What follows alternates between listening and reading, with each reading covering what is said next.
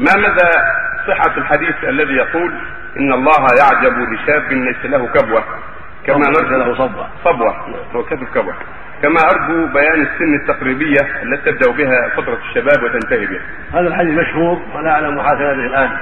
وهذا من شاب ليس له صبة يعني ما ليس له آه، ما يفعله الصبيان وما يفعله الشباب من آه، الوقوع في المعاصي والسيئات في أول اعمالهم يعني من حين نشأ ونشأ في عبادة الله وطاعة الله. ليس له صبة ليست له أوقات انحرف فيها عن الهدى بسبب الشباب.